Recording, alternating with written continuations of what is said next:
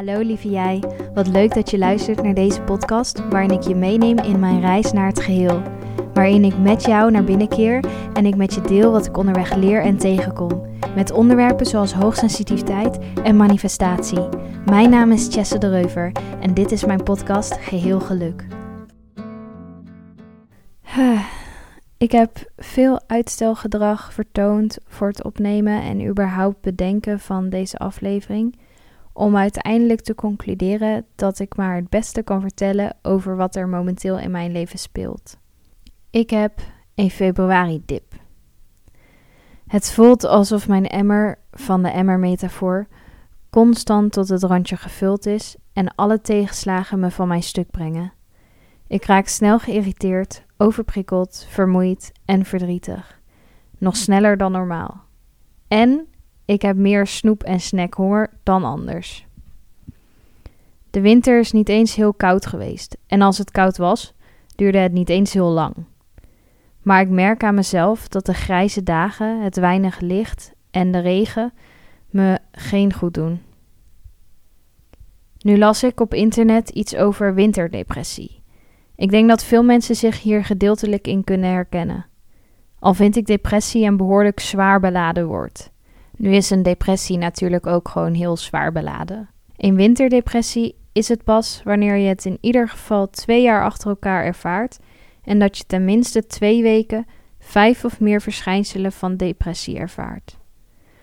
Vandaar dat ik het voor nu maar even houd bij een februari-dip, al zal de oorzaak min of meer gelijk zijn.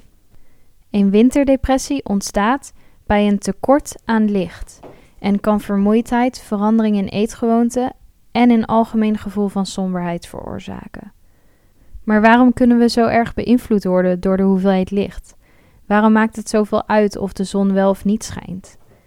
Dat is voor zover ik heb kunnen vinden op het internet nog niet volledig duidelijk. Wel zijn er verschillende mogelijkheden. Een tekort aan licht kan jouw interne biologische klok ontregelen. Dit komt omdat licht nodig is om jouw biologische klok te resetten, zodat die weer goed loopt met de 24 uur van een dag. Onze interne biologische klok gaat namelijk iets langzamer dan de daadwerkelijke tijd. Kortom, je dag-nacht-ritme wordt verstoord. Een ontregelde interne biologische klok kan vervolgens ook weer zorgen voor een overmaat aan het hormoon cortisol. Cortisol is het stresshormoon. In overmaat kan zorgen voor meer stress, vermoeidheid, slechtere slaap, slecht humeur, slechter immuunsysteem, aanmaak van vetreserves, vooral in je buik, een stijging van je bloedsuikerspiegel, waardoor je meer behoefte hebt aan suikerrijke en vette voeding, en rugklachten. Behoorlijk veel dus, zoals je hoort. En terwijl ik dit las, herkende ik ook heel veel dingen hiervan die ik al een tijd lang zelf ervaar. Zoals de vermoeidheid, behoefte aan suiker en een wat dikkere buik. Interessant dus. Al kan ik op dit moment natuurlijk niet zelf aantonen dat het komt door een overmaat aan cortisol, wat weer een gevolg is van een ontregelde biologische klok, wat weer komt van te weinig licht. Een te hoog cortisolgehalte kan overigens ook komen door langdurige stress. Verder kan een tekort aan licht invloed hebben op je melatoninehuishouding. Melatonine is het hormoon dat je lichaam vertelt dat je moet gaan slapen. Zodra het donker wordt, zorgt je lichaam ervoor dat de melatonine wordt aangemaakt. En dit zorgt er weer voor dat je slaperig wordt. In de winter kan je lichaam meer melatonine afgeven omdat het langer en sneller donker is.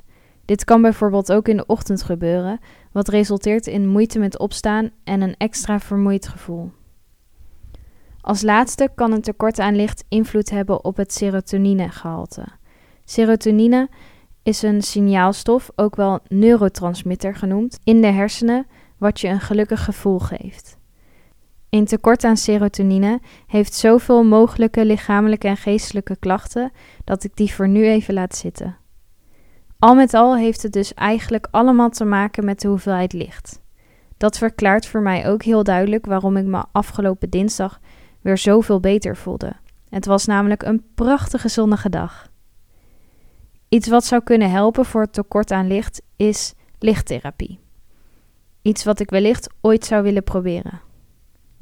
In ieder geval ben ik helemaal klaar voor de meer zonnige dagen en ben ik blij te weten dat mijn metaforische emmer dan langzaamaan wat leger loopt.